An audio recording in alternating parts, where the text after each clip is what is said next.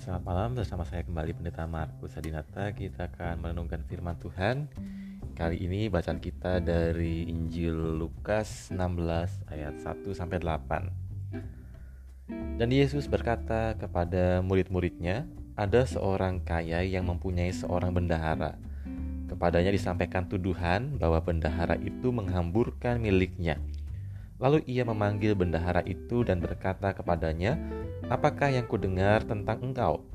Berilah pertanggungan jawab atas urusanmu, sebab engkau tidak boleh lagi bekerja sebagai bendahara." Kata bendahara itu di dalam hatinya, "Apakah yang harus aku perbuat? Tuanku memecat aku dari jabatanku sebagai bendahara. Mencangkul aku tidak dapat, mengemis aku malu."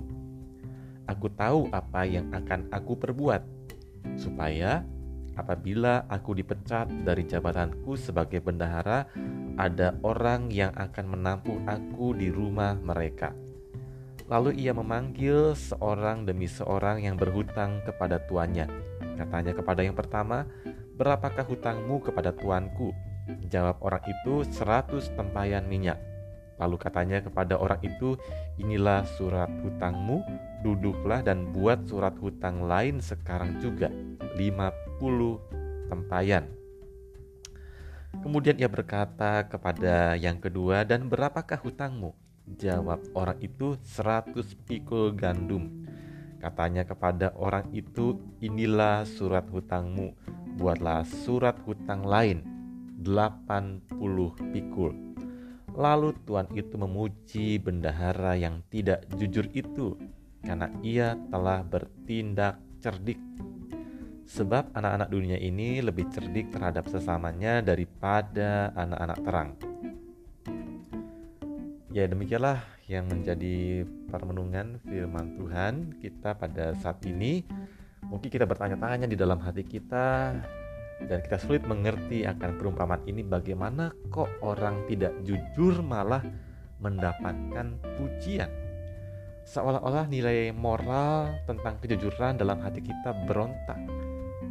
Saya tidak terima ada orang yang tidak jujur berbohong kemudian mengubah surat hutang kemudian dipuji. Dan tapi kalau kita mau melihat sebuah perumpamaan maka kita harus dengan jujur boleh melihat secara keseluruhan dan apa pesan inti pesan yang mau disampaikan. Apakah perumpamaan ini bermaksud untuk memuji ketidakjujuran seseorang? Tidak, hakikatnya perumpamaan ini bukan ketidakjujuran yang ditekankan atau yang mendapatkan pujian, tetapi ada satu hal yang dipuji yaitu tentang cerdik apa itu cerdik? Kalau kita melihat pengertiannya cerdik ada dua pengertian. Yang satu bermakna positif yang lain bermakna atau yang kedua bermakna negatif. Yang pertama cerdik berarti cepat mengerti tentang situasi dan sebagainya. Pandai mencari pemecahan atas berbagai persoalan panjang akal dan banyak akal.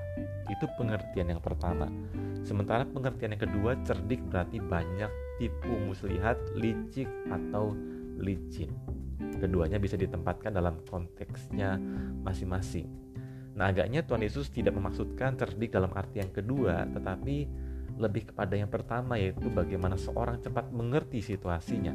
Situasinya sang bendahara itu adalah dia terancam akan dipecat oleh sang tuan karena dia terbukti tidak jujur di dalam pekerjaannya dia dituduh menghamburkan milik tuannya dan kemudian dia diminta pertanggungjawaban. Dia tahu sebentar lagi dia akan dipecat oleh tuannya.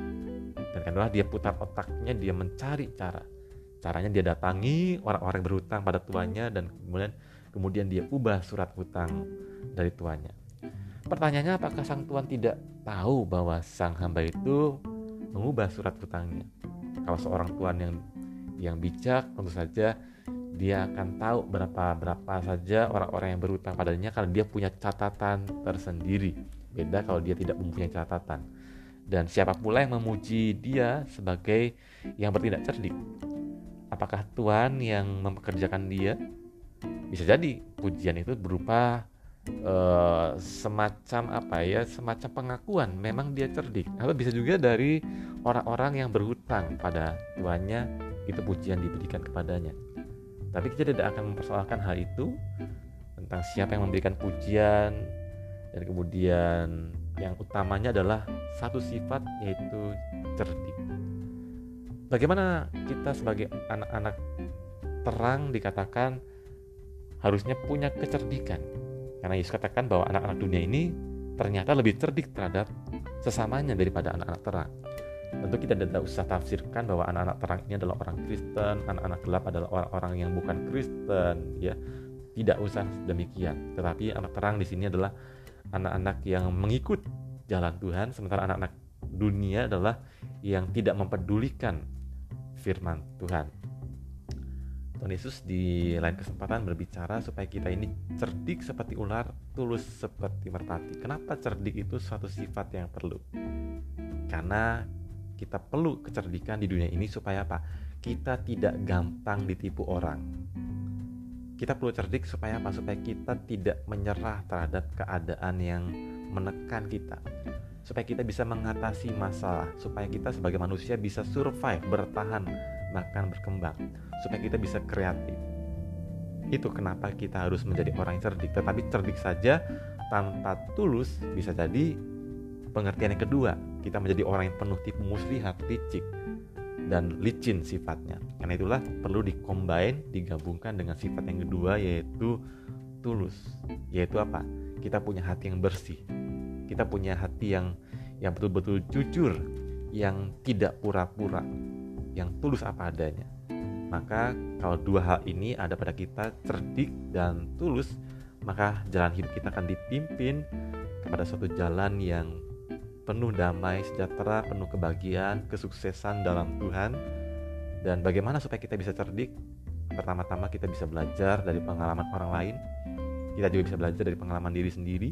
Kita juga belajar dari firman Tuhan sehingga kita boleh punya hati yang cerdik dalam arti bukan menipu tetapi dalam arti yang cepat mengerti situasi cepat mengerti kemudian pandai mencari solusi atau pemecahan terhadap suatu persoalan. Dan kemudian bagaimana kita diajar juga lewat perumpamaan ini dapat membangun relasi.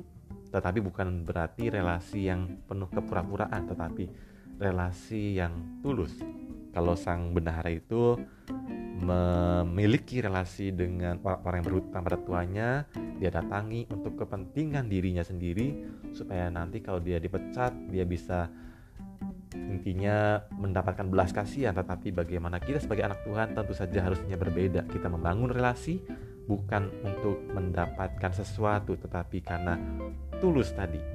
Kita sungguh-sungguh punya hati untuk orang lain tanpa embel-embel kepentingan pribadi. Sekali lagi kalau ada kejujuran dan uh, kecerdikan ya, maksud saya kecerdikan dan ketulusan, maka jalan hidup kita akan dipimpin dan kita akan dibuat uh, berhasil dan dapat menjadi berkat inspirasi bagi banyak orang. Amin. Kita berdoa. Kami bersyukur Bapa atas firman-Mu.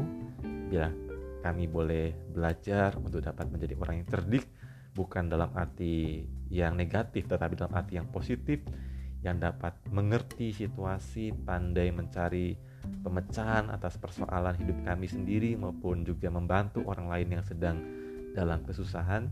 Dan berikan kami hati yang tulus, hati yang bersih, yang jujur, yang dijauhkan daripada kepura-puraan. Sehingga hidup kami ada dipimpin dalam jalan kebenaranmu. Dalam Kristus kami berdoa. Amin